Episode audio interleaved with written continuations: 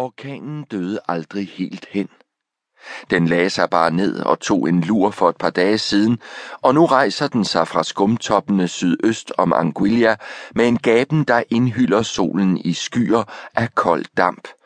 Om mindre end en time vil den have kværnet det turkisfarvede vand omkring Dog Island så meget op, at det har samme farve som frisk mudder. Jacob styrer den lille racerbåd forbi sandbankerne, der lurer lige under overfladen, mens han sørger for at holde søkortet på styret og sætter farten op. Motorbrølet får hans hjerte til at banke hastigere. Dybt i maven på ham ligger den beslutning, der ikke kan tages om, og varmer hele kroppen med sin dristighed. I det vinden tager til og er uforskammet nok til ligefrem at spytte skum tværs over borgen, begynder den spinkle træbåd at lette.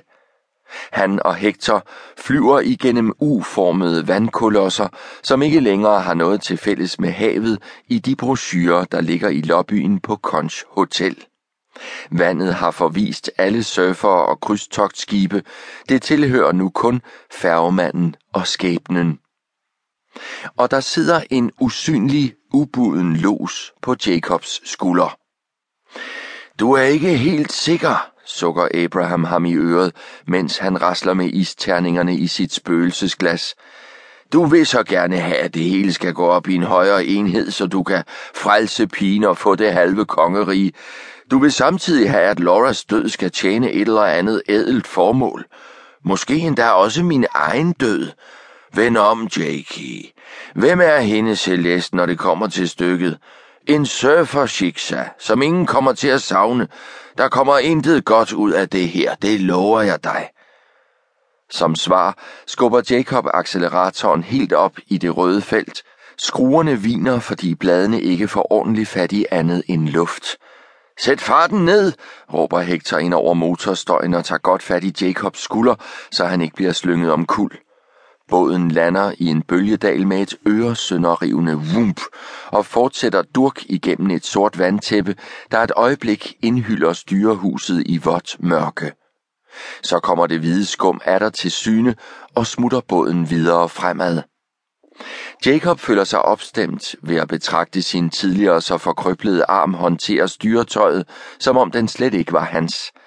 Han er klar over, hvor tæt han er på at blive slået ihjel, og det får ham ikke til at tøve. Hvis jeg slækker nu, så kentrer vi.